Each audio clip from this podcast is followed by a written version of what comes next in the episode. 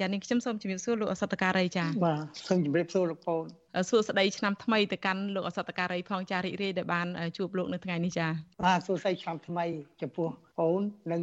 ប្រជាជនខ្មែរយើងនៅជុំវិញពិភពលោកនិងនៅប្រទេសយើងបាទលោកអសតការីក្នុងថ្ងៃនេះមានចំណុច3សំខាន់ដែលនាងខ្ញុំចង់ឲ្យលោកអសតការីចែករំលែកនៅពេលនេះឧទាហរណ៍នៅប្រទេសដែលលោកអសតការីកំពុងរស់នៅអូស្ត្រាលីហ្នឹងថាតើពលរដ្ឋហ្នឹងគេទៅតេស្តអីត្រូវធ្វើម៉េចនៅពេលដែលគេតេស្តហើយគេដឹងថាខ្លួនគេមានជំងឺ Covid-19 ណាគ្រាន់ថានៅអាចដកដង្ហើមបាននៅធ្វើការឲ្យបានសុខភាពអីនៅមមួនទេតើតើគាត់គួរធ្វើយ៉ាងម៉េចនៅក្នុងផ្ទះហ្នឹងចា៎ ចំពោះបញ្ហាដែលយើងមានរោគសញ្ញាបន្តិចបន្តួចយើងនៅដកដង្ហើមធម្មតាគ្រាន់តែក្តៅខ្លួនឬក៏យើងលើសកម្ដៅលើសពី37កន្លះឬ38ឡើងលើអានឹងក៏យើងគួរចាប់អារម្មណ៍ប៉ុន្តែក្នុងការព្យាបាលនឹងគឺថានៅប្រទេសអូស្ត្រាលីខែ3ឆ្នាំទៅគឺថាផ្អើលភ្លុកទឹកភ្លុកដីដើម្បីម្នាក់ម្នាក់រត់ទៅទៅ pharmacy ទិញថ្នាំឡើងអស់ ផាមស៊ីមួយមួយរត់ថ្នាំมันមានដូចជាពិសេសថ្នាំប៉ារ៉ាសេតាមុលយើងក្តីថ្នាំតឹងច្រមុះក្តីថ្នាំហៀសម្បោក្តីថ្នាំគ្រុនអីផ្សេងនោះណាមួយមួយគឺផ្អើលទៅទិញយកទៅទុកនៅផ្ទះប៉ុន្តែបើកាលណាយើងមានរោគសញ្ញាហើយគឺថាយើងអាច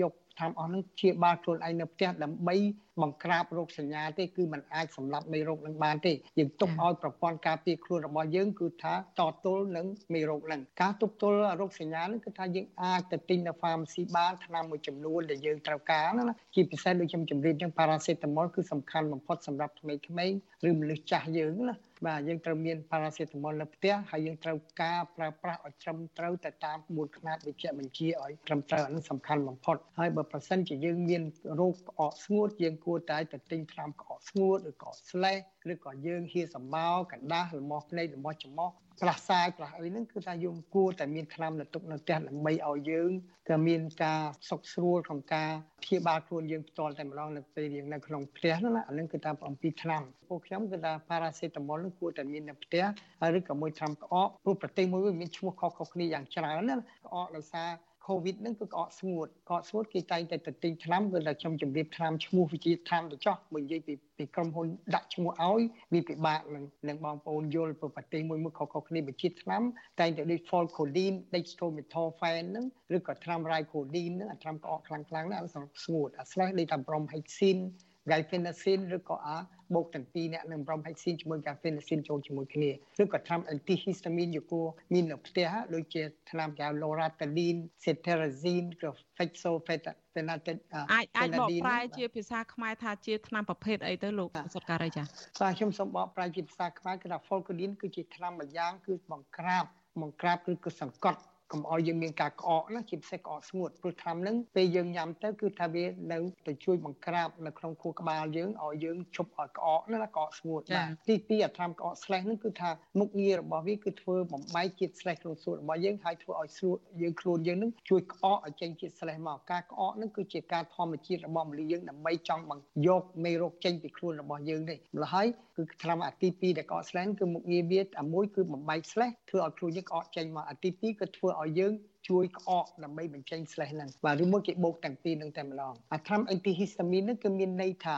ខ្មែរយើងគឺថ្នាំសម្រាប់ទប់ទល់នឹងការយើងបន្ទាស់នឹងអ្វីមួយទាស់នឹងចំណីក្តីទាស់ទាំងលំអងការក្តីឬទាស់នឹងជាតិគីមីក្តីឬក៏មួយមូសឬក៏សត្វល្អិតអីខំដែលធ្វើឲ្យយើងហើមអីហ្នឹងគឺថាជាថ្នាំអស់ហ្នឹងគឺថាសម្រាប់ទប់ទល់អានឹងមានថ្នាំហ្នឹងមានពីរយ៉ាងមានអាមួយងងុយគេងអាមួយមិនងងុយគេង បាទយើងទៅទិញនៅ pharmacy បានបើតឹងច្រមុះវិញគឺថាសម្រាប់ធ្វើឲ្យសាច់ច្រមុះយើងរួមវិញហើយយើងមិនឲ្យតឹងច្រមុះឬក៏មួយកុំឲ្យយើងហៀសម្បោវាទប់កុំឲ្យសាច់ច្រមុះនឹងជាទឹកសម្បោបាទថ្នាំទាំងអស់នេះដែលលោកសតការីមានប្រសាសន៍នេះគឺសិតតែជាថ្នាំដែលគាត់អាចប្រើប្រាស់បានដោយមិនចាំបាច់វិជ្ជាបញ្ជាទេឬយ៉ាងម៉េចចាបើសិនជាក្នុងការរក្សាចាបាទមិនចាំបាច់មានវិជ្ជាបញ្ជាទេជាពិសេសបើបងប្អូនយើងនៅស្រុកស្រែមានការខ្វះខាតទេគឺថាយើងសំខាន់បំផុតគឺថាយើងអាចស្ពងណា យើងអាចយកទឹកក្តៅយើងស្ពងប៉ុន្តែកុំភ្លេចកុំដាក់ច្រមុះយើងចិត្ត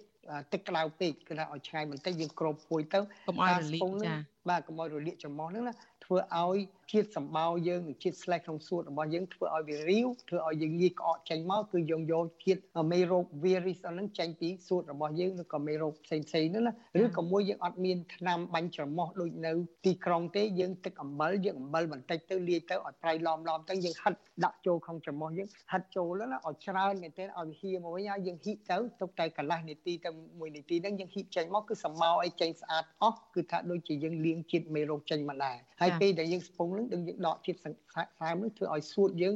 ធូរបំពង់ខ្យល់របស់យើងវាបើកចំហឲ្យយើងងាយឲ្យយើងដកដង្ហើមយ៉ាងស្រួលបាទ ចាលោកសតការីតកតងទៅនឹង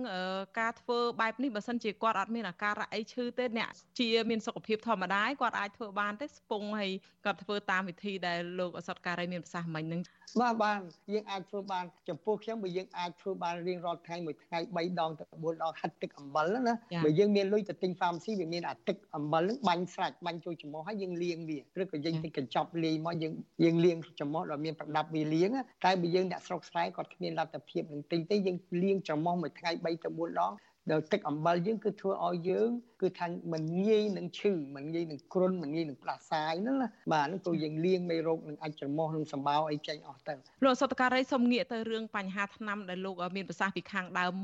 វិញបន្តិចអញ្ចឹងសម្រាប់អ្នកដែលឈឺ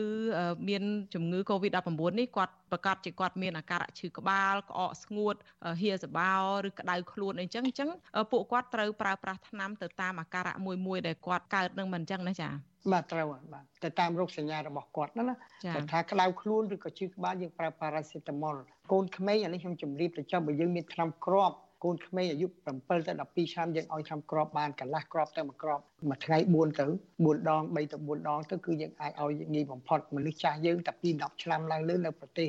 ខាងលិចនេះគឺតែតែពី10ឆ្នាំឡើងលើគេចាត់ទុកជាក្មេងនឹងជាមនុស្សធំហើយម្ល៉េះគេឲ្យញ៉ាំមួយគ្រាប់ឬពីរគ្រាប់ 4ទៅ6ម៉ោងម្ដងបាទហើយចំពោះកុមារទារកតូចតូចវិញក៏ទារកដែលទំកើតថ្មីថ្មីឬក៏កុមារតូចតូចហ្នឹងគេគិតជាគីឡូទៅវិញបើយើងមិនពិបាកចាំទេអ្នកស្រុកយើងគឺចាំតែ15មីលីក្រាមក្នុង1គីឡូក្នុងមួយដូយើងមួយដូយើងចង់ឲ្យញ៉ាំប្រមាណដូចថាក្មេងនឹង10គីឡូយើងគុណនឹង15មីលីក្រាមទៅគឺមួយដូហើយគឺយើងឲ្យញ៉ាំ4ទៅ6ម៉ោងក្នុងម្ដងទៅអានឹងគឺបានហើយទើប ប៉ុន្តែធ្វើម៉េចគេកុំឲ្យច្រើនពេកតែយើងអាចច្រើនម្ដងមួយកាលក្នុងមួយថ្ងៃនឹងជួនអីយើងឲ្យលើសម្ដងឬពីរដងមិនអីទេជាជាងមួយថ្ងៃ4ដងយើងអាចអាច16ដងបានពេលដែលកម្ដៅវាមិនព្រមចុះណានឹងអាចបានបើសំខាន់បំផុតគួរតែញ៉ាំទឹកឲ្យបានច្រើនតែម្ដងកុមារក្តីមនុស្សចាស់ក្តីគឺញ៉ាំទឹកឲ្យបានច្រើនធ្វើម៉េចឲ្យ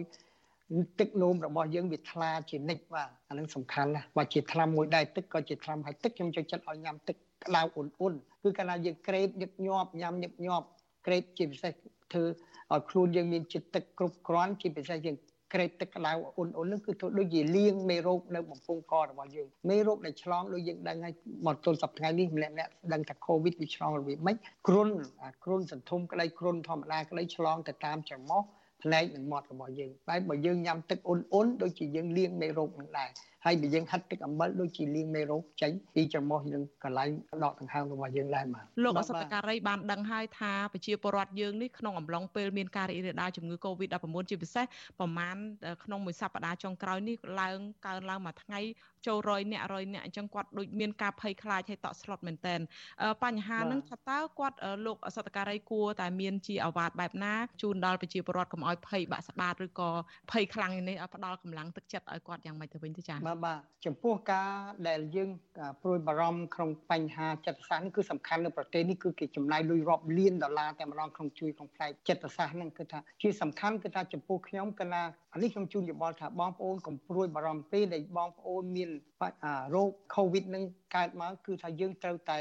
រក្សាស្ងប់ស្ងាត់គឺថាកុំអោយ ភ័យព្រួយឲ្យយើងគិតថារក្សាភាពស្ងប់ស្ងាត់ជានិច្ចទី2គឺថាយើងត្រូវគិតថាយើងត្រូវទទួលស្គាល់ថាឲ្យយើងឥឡូវមានមេរោគណាយើងត្រូវធ្វើដូចម្ដេចបាទអានេះសំខាន់បំផុតទី1ទី2យើងត្រូវការដកដង្ហើមឲ្យបានស្រួលបួលក្នុងការធ្វើសមាធិពាក្យអង់គ្លេសហៅ meditation ណាយើងខិតខំដកដង្ហើមឬក៏ធ្វើ meditation ហ្នឹងគឺទៅឲ្យបានរងាប់អារម្មណ៍ចាបាទរងាប់អារម្មណ៍ហើយយើងត្រូវការដើម្បីធ្វើឲ្យយើងនេះថាជាពិសេសធ្វើឲ្យយើងកុំឲ្យមានការព្រួយបារម្ភអសោះ យើងបើមានការលំបាកច្រើនគឺថាយើងត្រូវការហាត់ប្រាណដើម្បីឲ្យស្ងប់អារម្មណ៍របស់យើងគឺយ៉ាងតិច30នាទីក្នុងមួយមួយថ្ងៃណាហើយយើងត្រូវការធ្វើពលកម្មញាក់ស្រុកស្រែយើងស្រួលទេយើងអាចចេញទៅក្រៅទៅអីបានយើងមិនអាចនៅចិត្ត គ្រួសារយើងបើសិនប្រសិនជាយើងមានរោគ COVID ហ្នឹងអារម្មណ៍យើងស្ងប់ស្ងាត់គឺថាធ្វើឲ្យប្រព័ន្ធការពារយើងកាន់តែខ្លាំងណាស់ល្អហើយយើងតែងតែមើល Facebook មើលអីទៅមើលគេនិយាយពីរឿងកំ pl ែងរឿងអីធ្វើយើងឲ្យសើចសប្បាយទៅណាអានេះគឺធ្វើឲ្យប្រព័ន្ធការពារយើងក៏ខ្លាំងដែរហើយសំខាន់បំផុតគឺយើងត្រូវការហូបចុកឲ្យបានត្រឹមត្រូវឲ្យបានល្អដូចយើងជម្រាបអំពីមានវីតាមីន C ដូចជាសង្កសីជាតិឡែរ៉ាល់សង្កសីឬក៏ zinc ឬក៏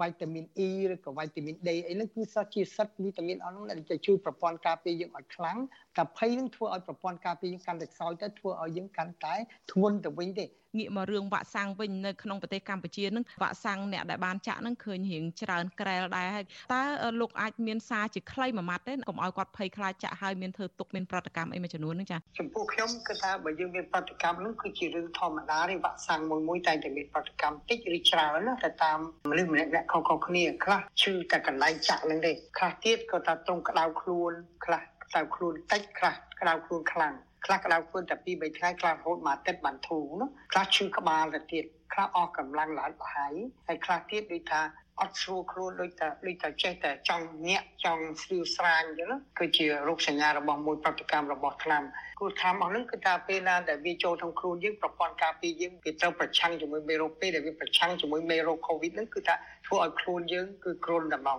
ចុករយជួយចុកសាច់ដុំឈឺចឹងចែងអីហ្នឹងបាទអាហ្នឹងគឺជាជារោគសញ្ញាធម្មតាទេมันគួរឲ្យគាត់ភ័យព្រួយទេក្នុងករណីមួយដែលគាត់ភ័យព្រួយមែនតើគឺពេលដែលគាត់ ដឹងថាខ្លួនហាក់ដូចជាខ្លួនគាត់នឹងគឺថាមានស្អីមួយដូចថាកកឈាមនៅតាមដៃតាមអីដូចជាដុំដុំឈាមកកណាឬមួយគាត់ពិបាកដកដង្ហើមយ៉ាងខ្លាំងដូចដកដង្ហើមខ្លីៗអាហ្នឹងគឺជាការព្រួយបារម្ភយើងគួរតែទៅមន្ទីរពេទ្យយ៉ាងប្រញាប់តែម្ដងឬមួយទៀតក៏វាព្រិលភ្នែកដោយមូលហេតុអ្វីមួយណាព្រិលភ្នែកដោយចាក់ហើយប្រហែលជាប្រមាណប្រមាណម៉ោងក្រោយមកឬក៏ប្រមាណថ្ងៃក្រោយមកយើងព្រិលភ្នែកឬក៏យើងឈឺក្បាលយ៉ាងខ្លាំង ឈឺខ្លាំងដែលដែលវាអត់មានចុះសោះហ្នឹងឈឺក្បាលខ្ទុកខ្ទុកជាប់ជាប់គឺអាហ្នឹងគឺជារោគសញ្ញាមួយដែលអាចប៉ះពាល់ដោយសារប្រតិកម្មថ្នាំហ្នឹងអាចធ្វើឲ្យយើងឈាមកកកន្លែងណាមួយអាហ្នឹងគួរតែយើងទៅមន្ទីរពេទ្យជាប្រញាប់តែម្ដងបាទចានាងខ្ញុំសូមអរគុណច្រើនលោកអសតការីលឹមសួរដែលបានផ្ដល់សម្ភារនៅពេលនេះចាសូមអរគុណនិងជម្រាបលាលោកចា